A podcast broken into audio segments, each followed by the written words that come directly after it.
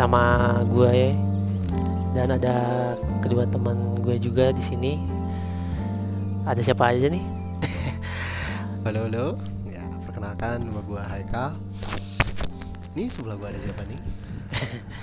Nih, Ada Ipan juga, ada Ipan juga. nah, Ada Ivan ada siapa juga di sini? Ada Bang Bram di sini.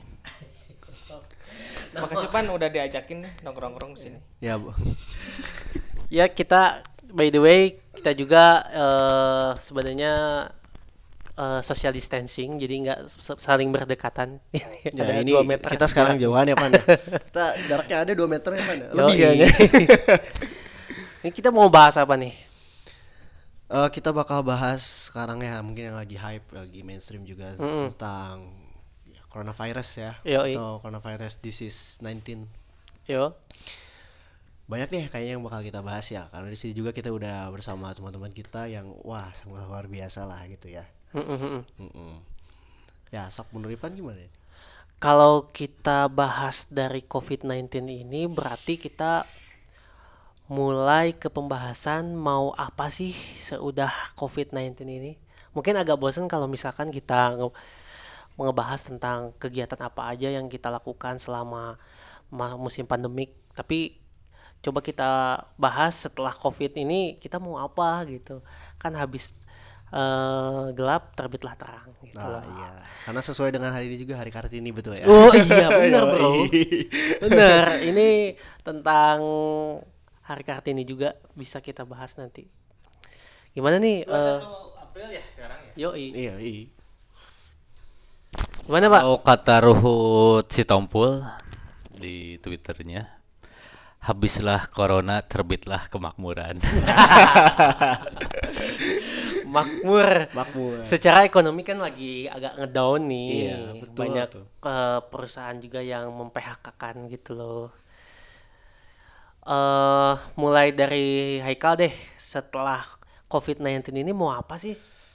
Setelah Covid ini tentunya pastinya pengen lebih produktif lagi gitu karena kan dengan masanya yang ini ada WFH, Ya. ada social distancing, ada physical distancing gitu kan.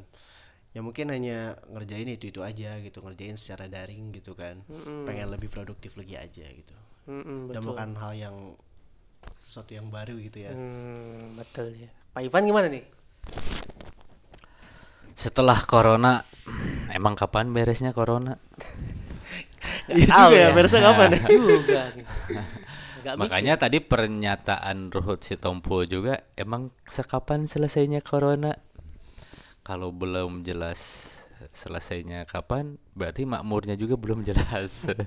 Masih ngambang ya. Masih Masih ngambang. ngambang. Iya, menjelas. Ini itu kayak versi netizen seperti itulah gitu jadi sebetulnya yang lebih kalau menurut saya yang lebih eh, penting itu di masa corona ini sampai selesainya corona kita dapat apa Oh, ada hal yang bisa dipetik.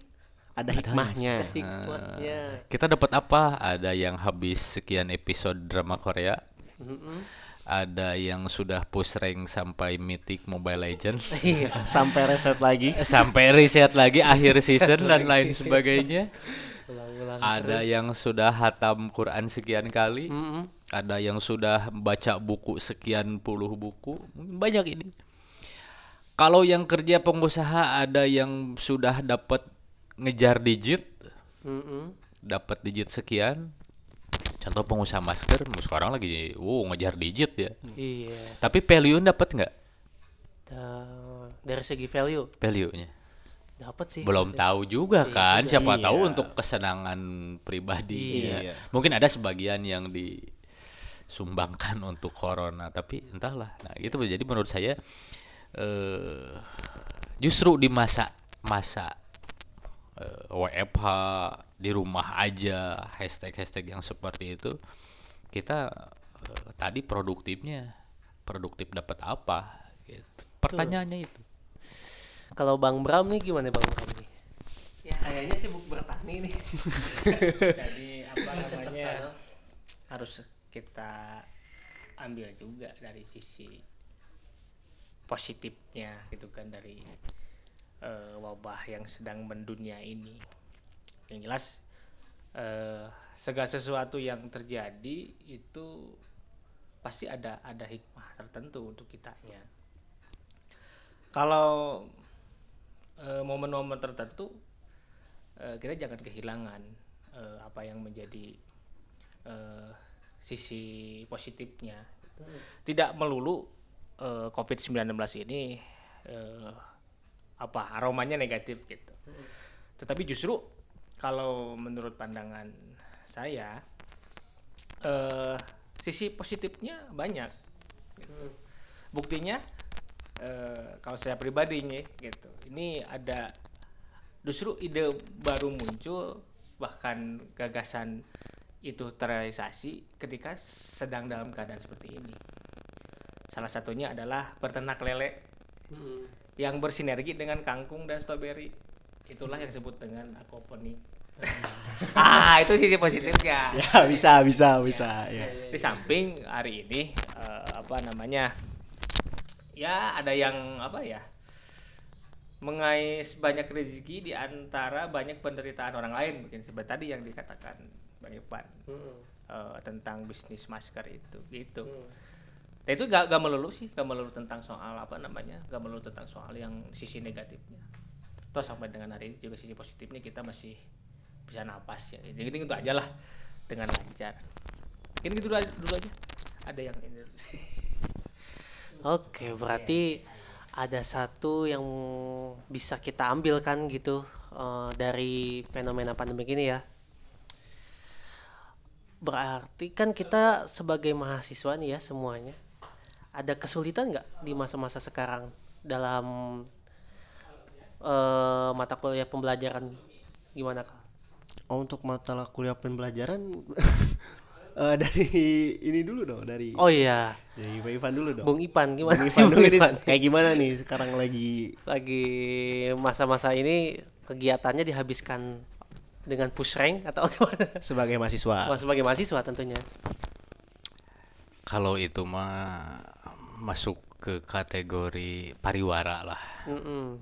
Jadi eh, aktivitas kita yang sebenarnya sebetulnya tidak hanya kuliah. Gitu. Justru eh, yang paling penting itu kita ngejar tadi sebetulnya ucapan saya kita ngejar value-nya. Mm-mm. Tahu kalau kuliah apa bedanya kuliah eh, reguler masuk sekolah, masuk kampus dan lain sebagainya. Terus sekarang misalkan online, value-nya kan ada di pelajarannya, ada di pembelajarannya, ada di materinya, gitu.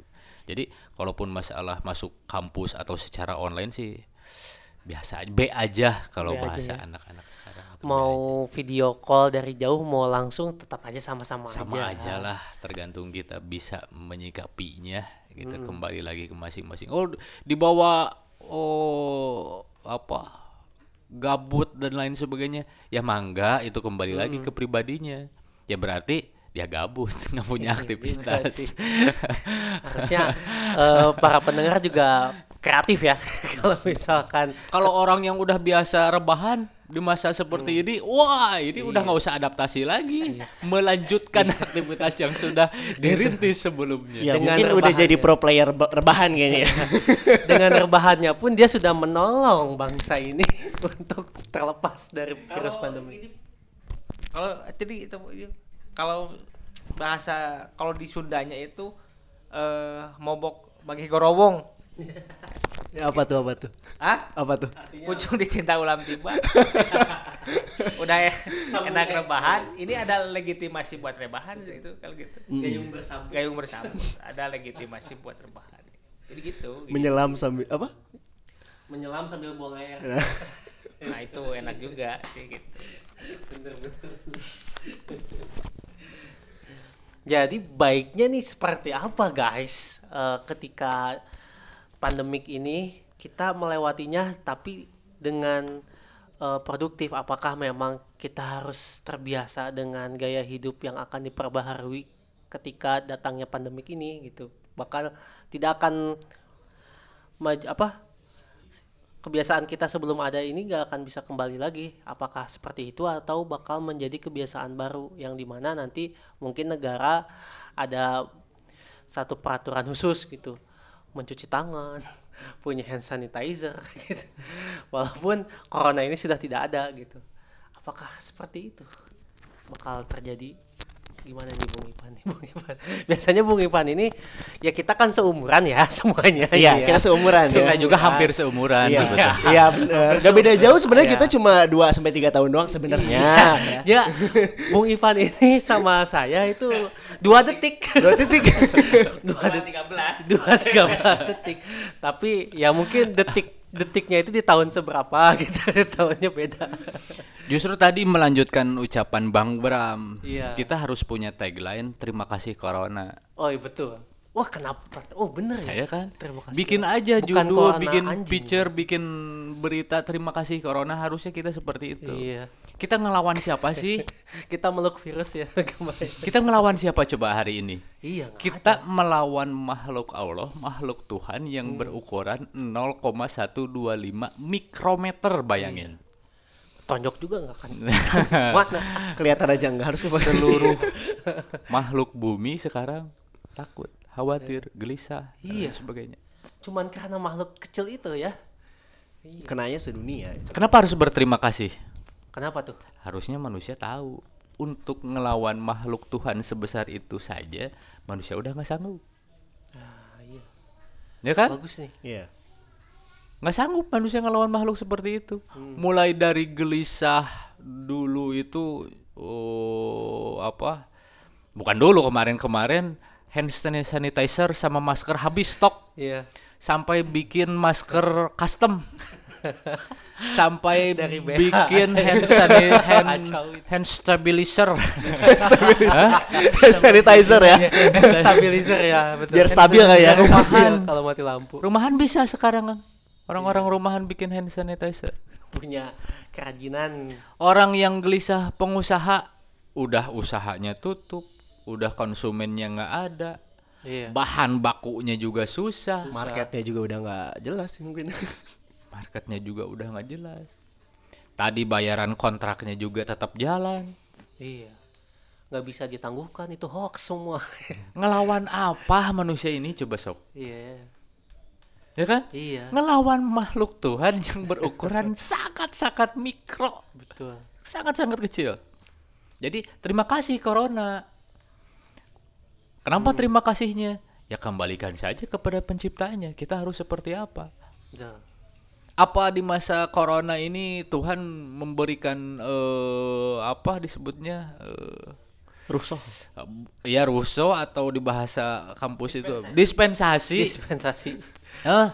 Oh iya, sekarang eh, surga dan nerakanya ada pemotongan.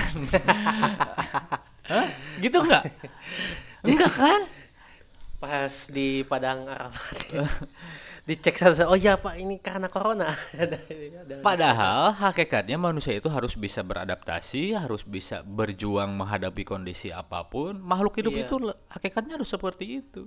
Jadi di kondisi apa pun lawan aja. Itu yang selalu terlupakan sama orang yang sekarang. Makanya pertanyaan sekarang hashtag di rumah aja kita kalah oleh corona atau melawan corona? Pertanyaan saya seperti itu. Jawab silakan rekan-rekan dari Bang Irfan. Di rumah aja itu melawan corona atau kalah sama corona? Di balik sisi yang lainnya kita nggak jelas sampai kapan. Mau di rumah aja sampai 2025. Iya. Makan tuh, Pak. Bahaya. Hah? Iya. Mati tahun tuh. 2022. Aduh, sedap. Mangga Harusnya kita survive ya. Kita harus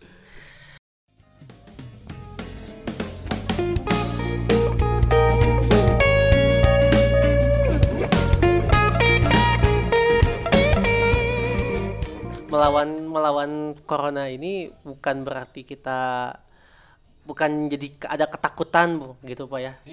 Ada ketakutan jadi banyak yang ya mungkin dengan podcast ini hadir dan tayang di eh, Spotify juga bisa kasih satu pandangan pandangan yang menarik gitu tidak hanya paradigma yang media-media lain siarkan bahwa takutan aja banyaknya padahal kan bukan itu harusnya yang harusnya yang kita Takut pikir. boleh, bego jangan. Iya, itu. Di masa tipis, pandemi, Ini di masa tipis pandemi masalahnya, optimis aja tetap semangat. Iya, itu. nggak boleh kendor ya Nggak boleh nggak boleh kendor Ojo kendor. Iya. kendor Ojo lesu. GPRS. Gaspol, Eh, rem, setik-setik lah. gaspol rem ya. sikit Gaspol rem sikit. Iya juga sih. Gimana nih Mas Bram ada yang mau ditanggapi nggak? namain apa tentang tadi melawan atau misalkan kita takut COVID. melawan apa kalah jadi dilematis gitu dilematisnya kenapa di sisi lain hari ini kan sedang rame-ramenya tadi di rumah aja memang kan itu anjuran dari yang berwenang ya di kita katanya itu dalam rangka eh, melawan si COVID-19 ini tapi di sisi lain juga kalau menurut pandangan saya ada sisi eh, apa ya eh tadi adaptasi yang eh, belum dira apa ya belum di belum dirasakan ataupun belum didapat oleh masyarakat luas. Di sisi lain melawan iya, tapi di sisi ketakutan juga iya gitu kan. Tapi tetap kita harus punya apa ya? Punya punya benang merah dalam hal ini. Tetap kita harus punya eh, nilai juang. Gitu. Tetap sekalipun kita di rumah tapi kita dalam rangka melawan kan ada dulu kalau misalkan cerita-cerita orang tua dulu misalkan curut zaman perang penjajahan Belanda misalkan. Oh seorang kakek menceritakan kepada cucunya. Kakek dulu kakek ikut perang nggak lawan Belanda? Oh ikut. Oh kakek bawa bambu runcing kakek bawa oh apa namanya senapan apa ya kalau istilah orang kita itu dorlok lah itu mungkin anak-anak sekarang nggak tahu itu apa dorlok itu dicolok eh iya gitu kan apa Dorlok namanya dicolok. ah gitu itu kan perlawanannya nyata ya tadi Iya. karena kan kita melawan Fisik tapi dia. kalau sekarang apakah orang yang berdiam diri di rumah itu bisa disebut juga pahlawan Hmm. Se- dengan apa yang dilakukan oleh orang-orang tua dulu misalkan dengan melawan secara Fisik. angkat senjata ketika ditanya oh ya kata cucunya oh kakek hebat. Kakek seorang pahlawan kakek seorang pejuang tangguh dengan cara melawan dan membunuh penjajah. Iya. tapi kalau misalkan bayangkan nggak gini pan. Lu lah 20-30 tahun yang akan datang ketika lu ditanya sama cucu lo kayak kayak kayak dulu katanya ada oh, virus yang berbahaya ya tahun 2020 oh iya waktu itu kakek masih usia remaja Hmm. Terus kakek gimana cara melawannya agar virus itu cepat pergi? Masa jawabnya di rumah aja, cu. Kan nggak lucu ya. Ini Nggak ada heroiknya tuh di mana? heroiknya. Jadi apakah gelar pahlawan ini eh, disandangkan kepada mereka yang ngejedok di rumah? Kalau orang Sunda gitu bilang. Betul. mungkin mungkin apa? eh, seperti itulah intinya. Nyambung lagi, Pan. Nyambung lagi. Kita sambungkan. Kita ngelawan corona hari ini anggap beres. Hmm. Anggap beres di 2-3 bulan ke depan. Ya. Atau maksimalnya di akhir tahun ini. Hmm. Yakin nggak nggak akan ada pandemik lain? Pasti ada. Muncul muncul lagi. Kalaupun tidak memastikan, mungkin ada. iya. Kalau setelah selesai corona hari ini muncul lagi pandemik baru, virus baru, kita mau diam di rumah lagi tahun Iya. 2021 dan 2022. mau jadi apa man Mati. manusia zaman sekarang ini? mungkin gini setelah corona ada Civic Corolla yang mungkin Honda Jazz yang Iya, betul, yang Mungkin bakal rilis lagi ya. itu namanya gitu kan saya mungkin Sebenarnya virus ini bisa dihilangin kok sama semadaf sama ini antivirus semua. Yang pasti yang berbayar aja jangan gratis. Iya, yang pro gitu. Yang pro. Karena virusnya bukan trojan. iya, bukan trojan, ini masih corona. Masih bisa. Jadi gimana nih kalau misalkan kita eh ada yang sampai berputus asa gitu. Tapi kan ini kan manusia tuh berbeda-beda ya pandangannya gitu, Bang. Kalau misalkan banyak orang yang wah udah ini mah kayaknya nggak akan bisa bangkit lagi nih perekonomian ataupun wah kayaknya mustahil. Itu harus kayak gimana tuh? Berarti dalam segi men- mensikapi orang seperti itu peran kita ataupun untuk bisa melindungi imunitas diri kan tidak imun dan iman ya kata Bung Ipan tuh. Iya. Nah itu gimana tuh biar kita tetap bisa tercover, bisa wajar eh, waras lah di di virus di apa di di zaman pandemik ini. Ya kan karena pada dasarnya manusia ini memiliki sisi eh ini ya, sisi berjuangnya juga, sisi survive. Pasti eh, dalam hal apa pun gitu kan, apa pun yang dihadapi pasti ada eh, aspek survive gitu. Kamu besok mau ujian, pasti malamnya eh, belajar. Pasti ada persiapan Hmm.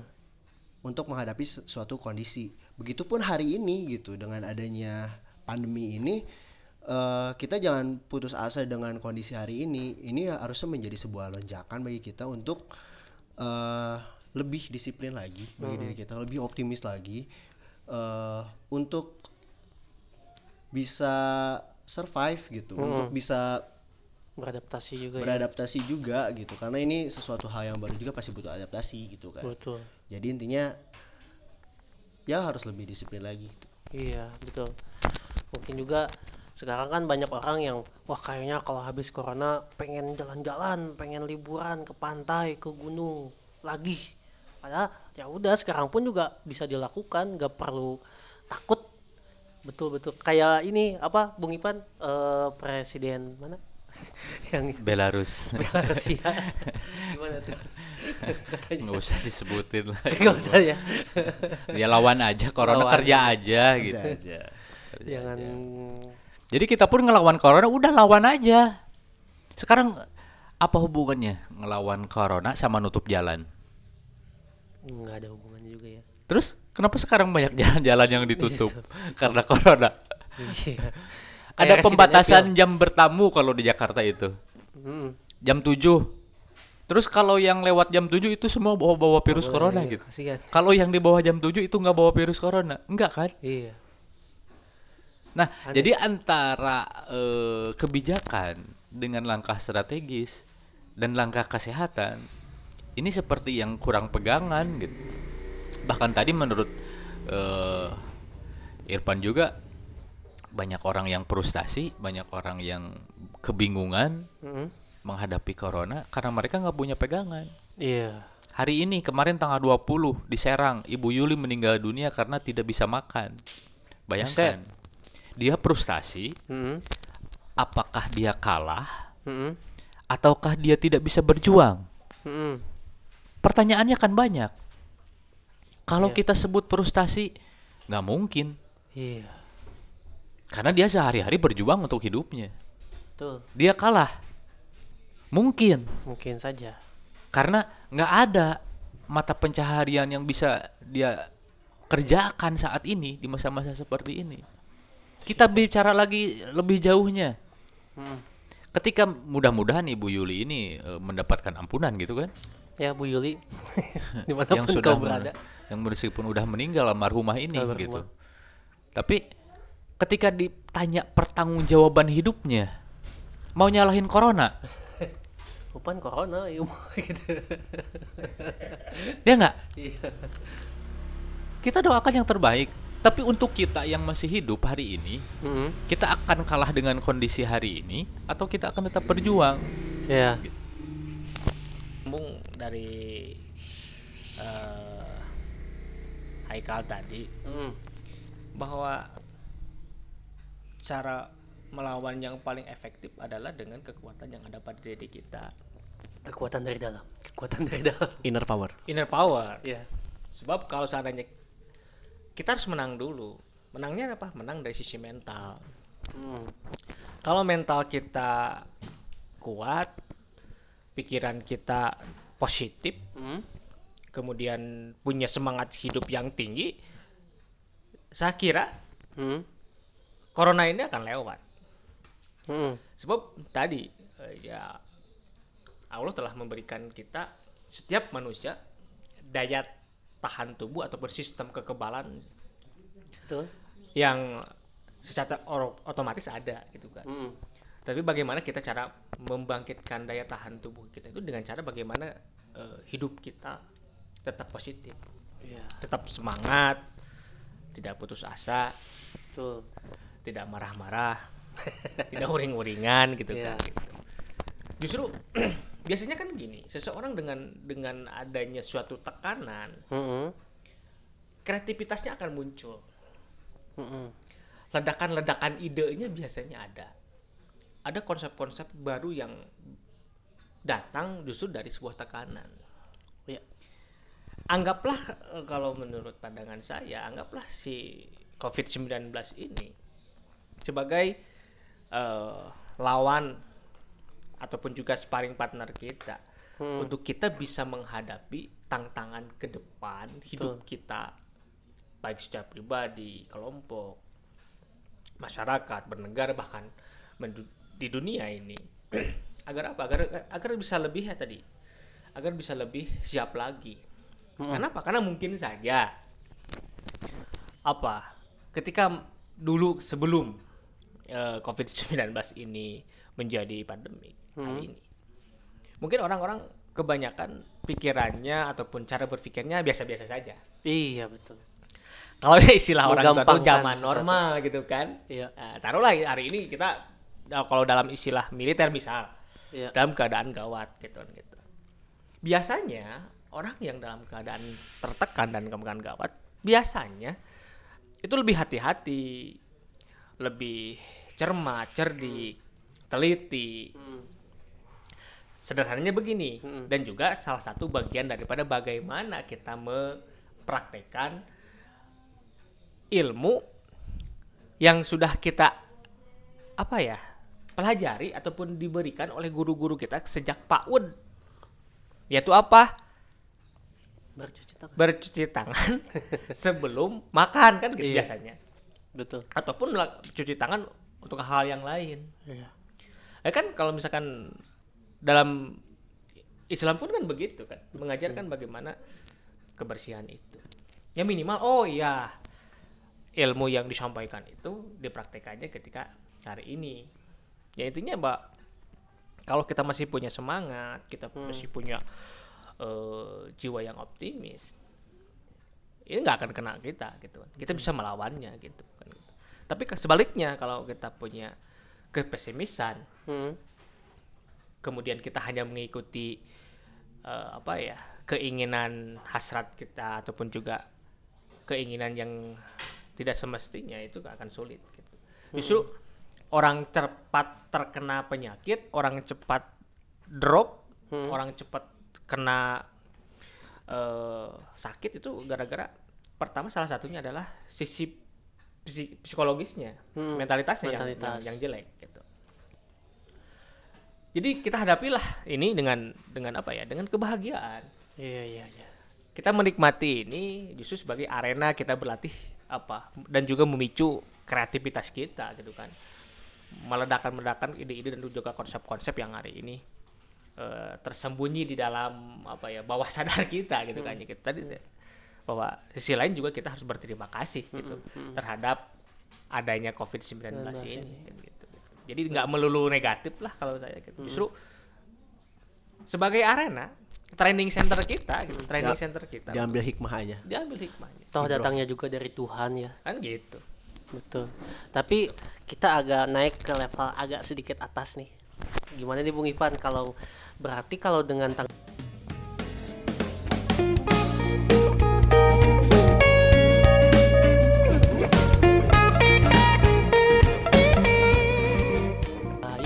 untuk sekolah-sekolah mau meng WFH kan para murid-muridnya jadi terdampaknya kan sulit sulit belajar juga ya kita online secara terbatas. Apakah sudah langkah pemerintah ini sudah baik melakukan seperti itu?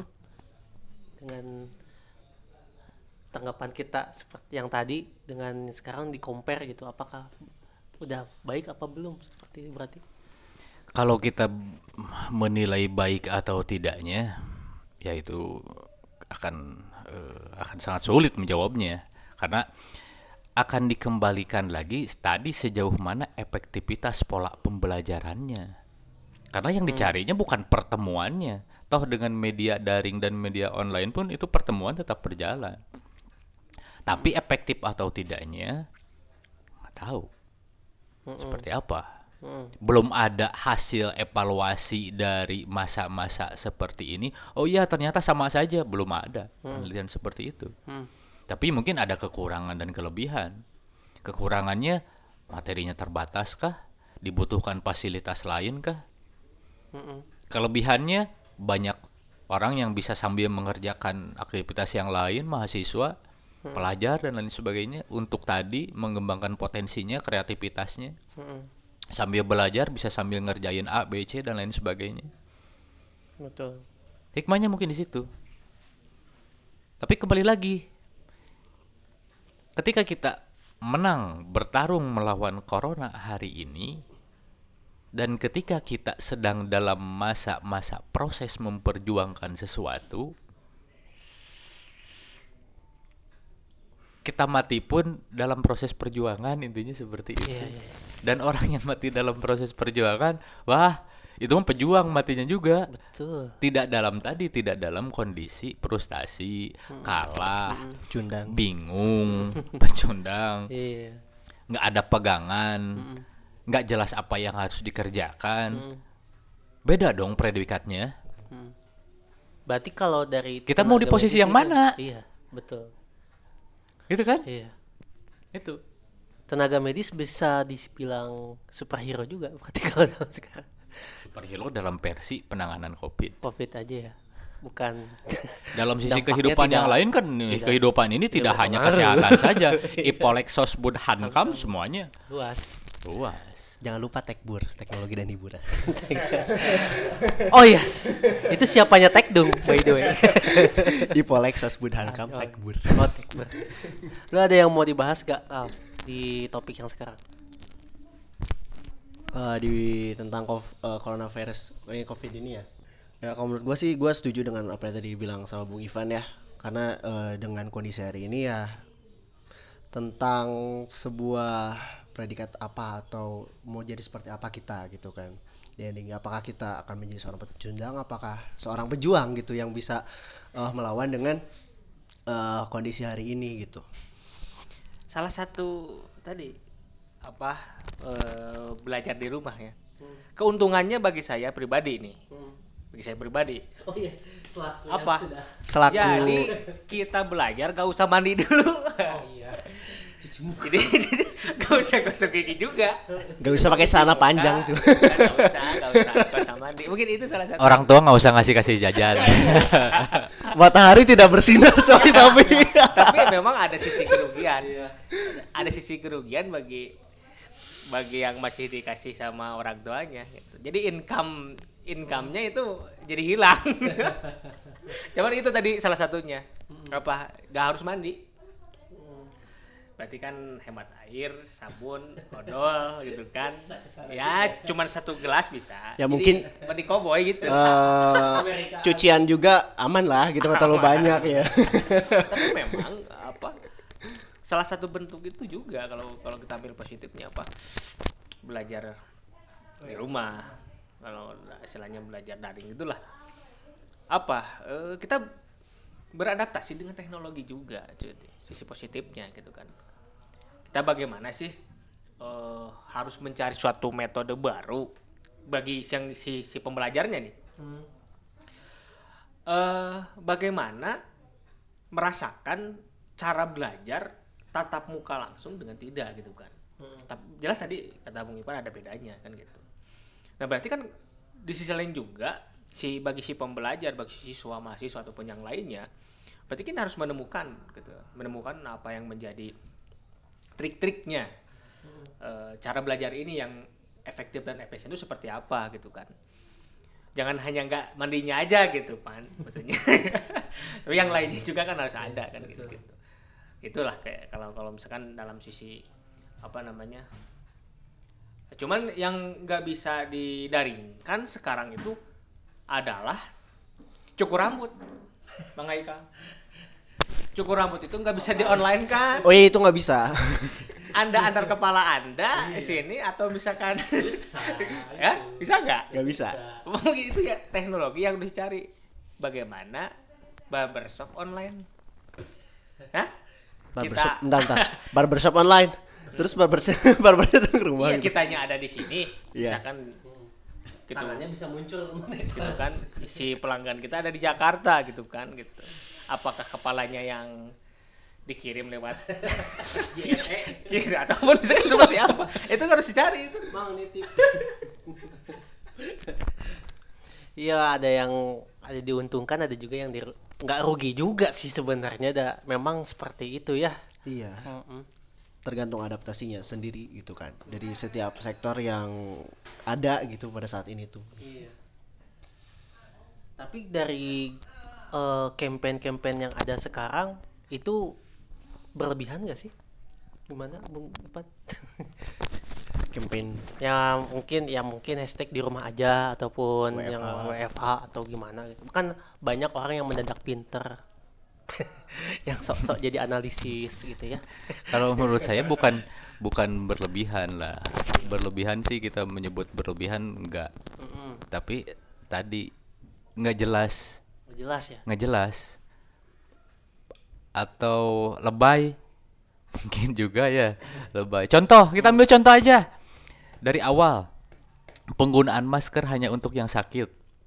Kita tahu kan itu, informasi itu dari pemerintah loh. Iya. kalau bicara sebelum-sebelumnya corona itu nggak ada nggak akan berani ke Indonesia dan lain sebagainya Ya, ya, setelah betul. corona pun penanganannya corona apa masker itu bagi yang sakit sekarang sekarang Diwajibkan. diwajibkan semua Iya.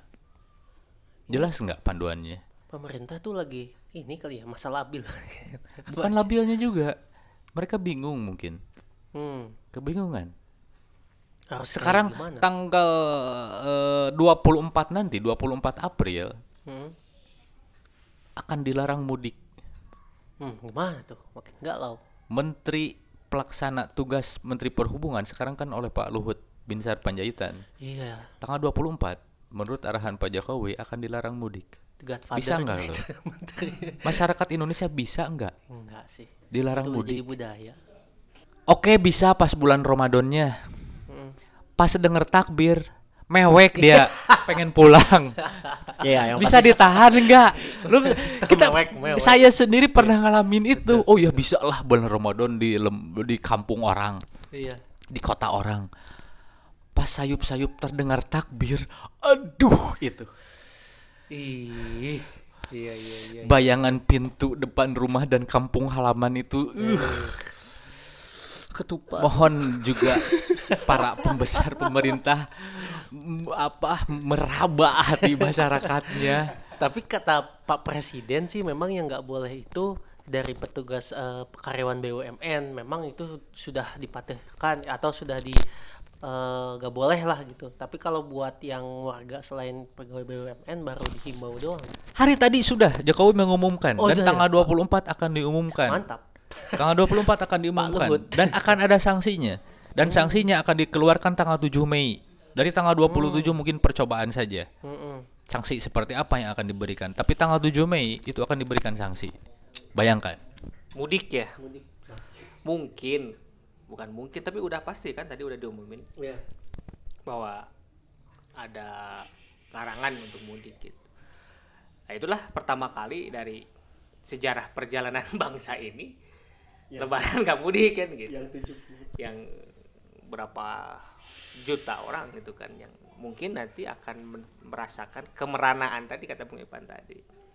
Sebab eh indahnya eh, berlebaran itu kan karena karena ditutup dengan perjalanan. Tradisi mungkin kalau sebagian orang perjalanan spiritual itu mudik. Justru gak macet gak asik kalau nggak mudik. Iya. soalnya merasakan juga bagaimana eh, apa namanya perjalanan mudik itu gitu. tapi juga di sisi lain apakah memang juga jadi solusi juga kalau nggak mudik itu gitu kan? Nah ya itulah eh, yang yang kita bisa lihat hari ini kan gitu. Jadi pertama sejarah memang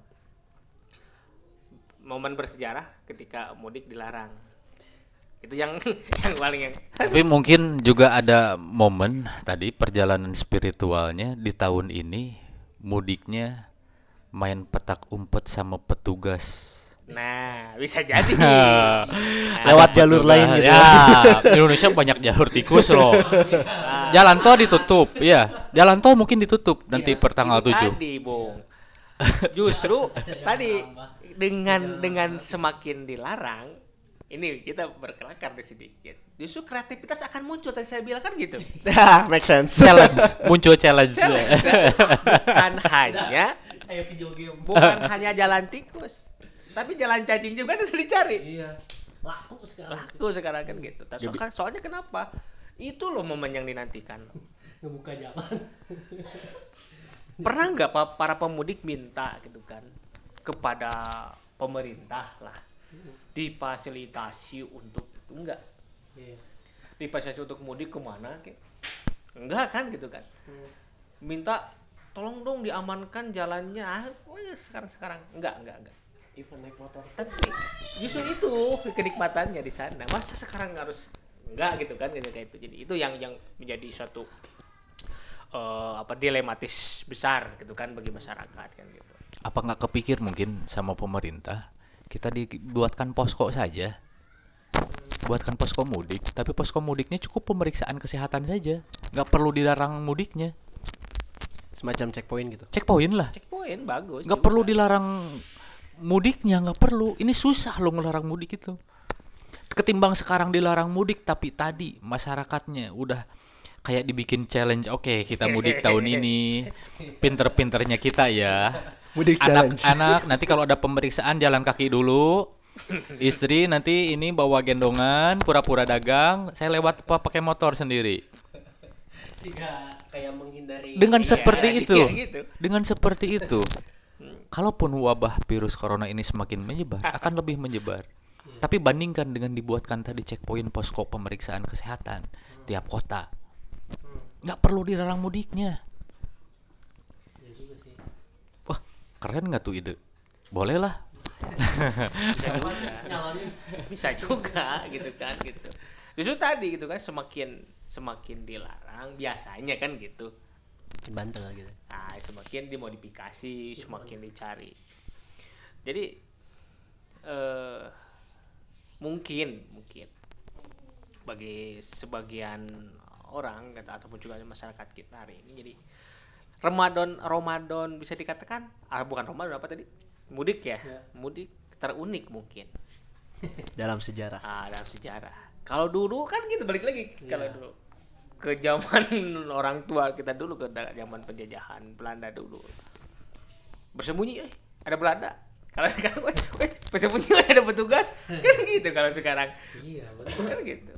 Ini yang saya bilang gitu. pemerintah juga seperti kebingungan menga- mengambil langkah itu seperti itu. Kalau kita ambil langkah realistis, misalkan orang yang mau mudik silakan mendaftarkan diri. Yang dari Jakarta khususnya orang yang paling banyak mudik dari Jakarta. Atau dari kota-kota besar lah sebut. Kota-kota besar mengadakan misalkan seleksi orang yang mengadakan akan melaksanakan mudik. Oke, ambil waktu berapa lama pemerintah melakukan pengecekan kesehatan, melakukan positif atau negatif corona 5-7 hari, seminggu dua minggu. Ini kita masih ada waktu hampir satu bulan loh menghadapi Ramadan. Periksa dulu. Masa nggak bisa? Cuman kota besar doang. Oke, orang yang terpapar COVID itu misalkan dari gejalanya nggak terlihat, ya terus mau gimana?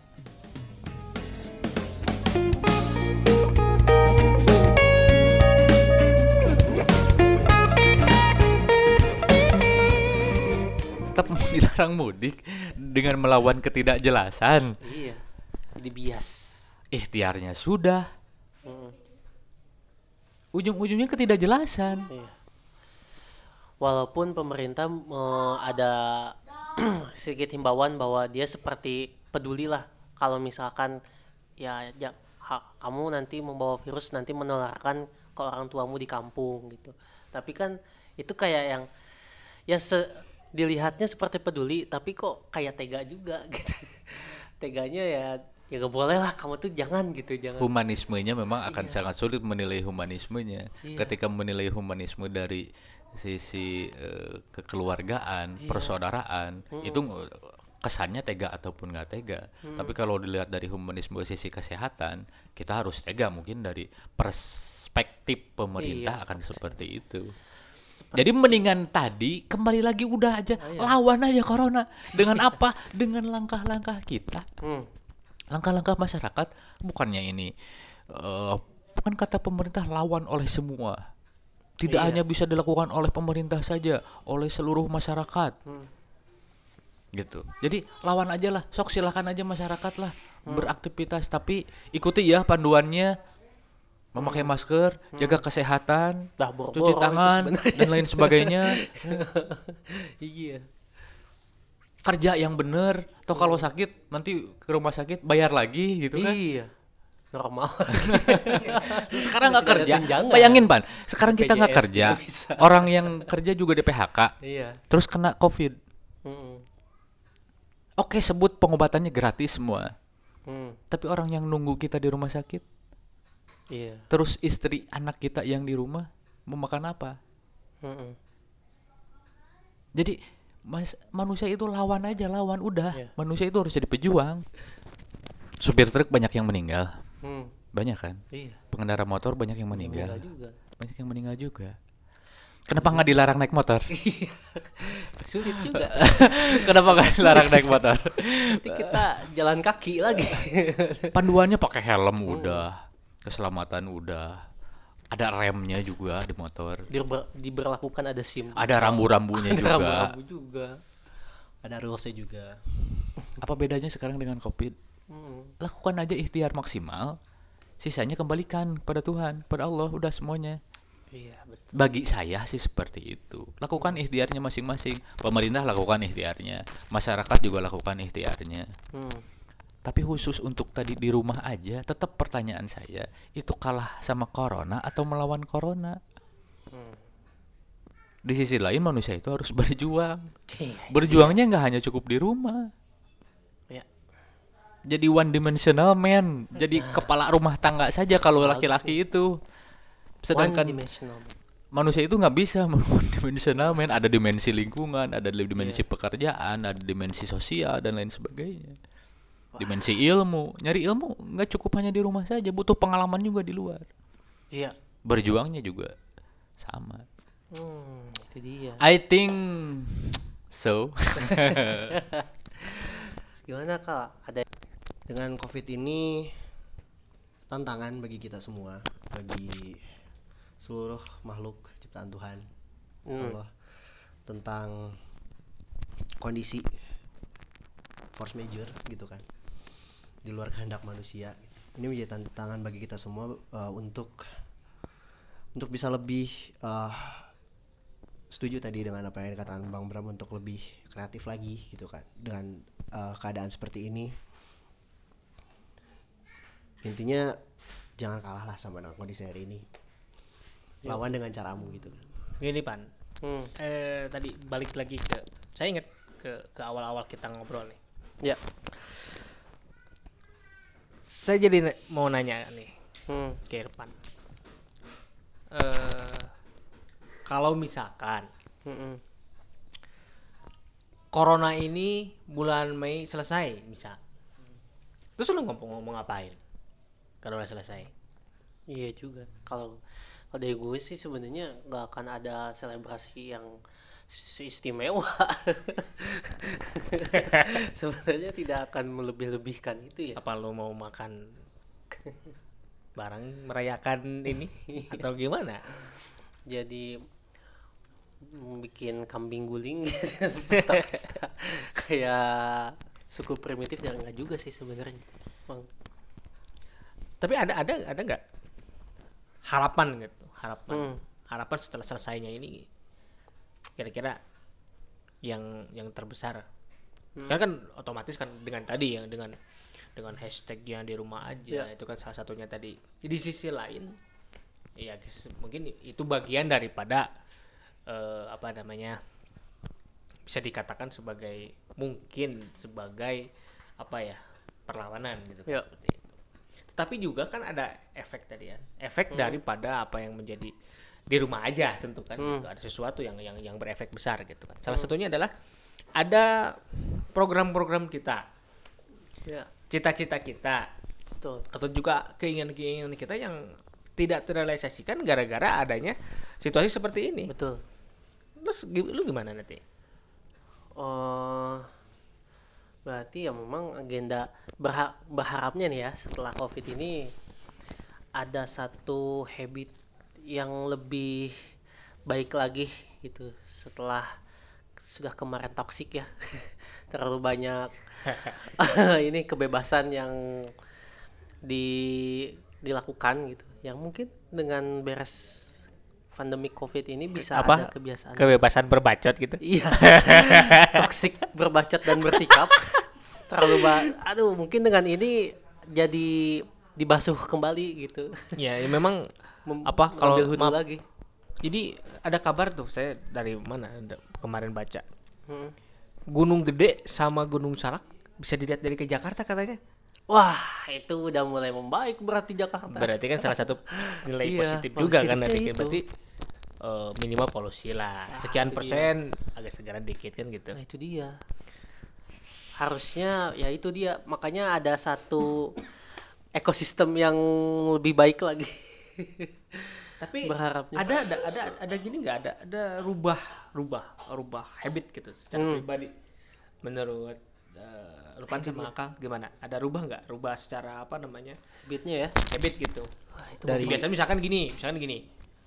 eh, sebelum ada ini, Hmm. ada covid ini, eh, bangun itu jam 4 misalkan. ya Kalau sekarang ditambah jadi setengah enam jam enam itu gimana gitu? Ya ada ada yang dirubah sih.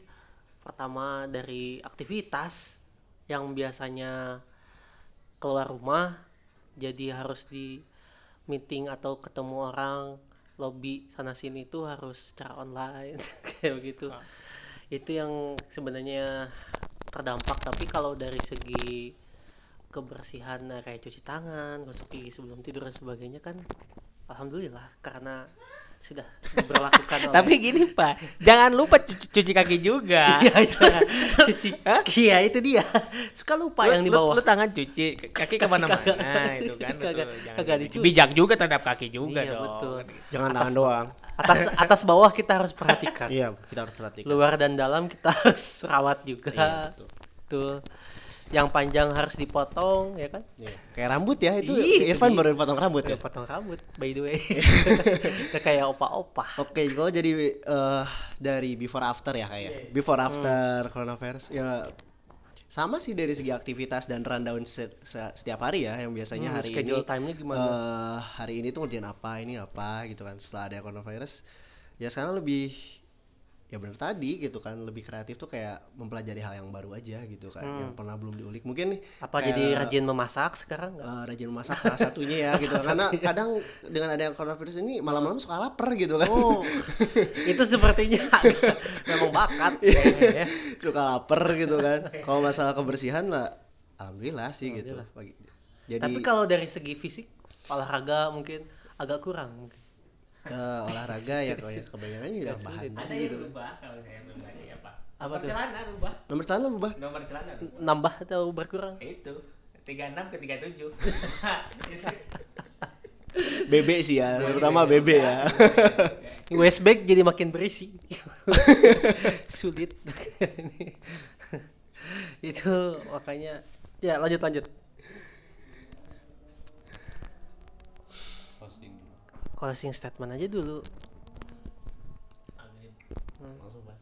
Oke, berarti eh, cukup sekian ya podcast kali ini episode ketiga. Pada kesimpulannya kita berterima kasih kepada coronavirus yang sudah datang bertamu ke negeri kita, yang sudah memberikan kesan yang sangat indah.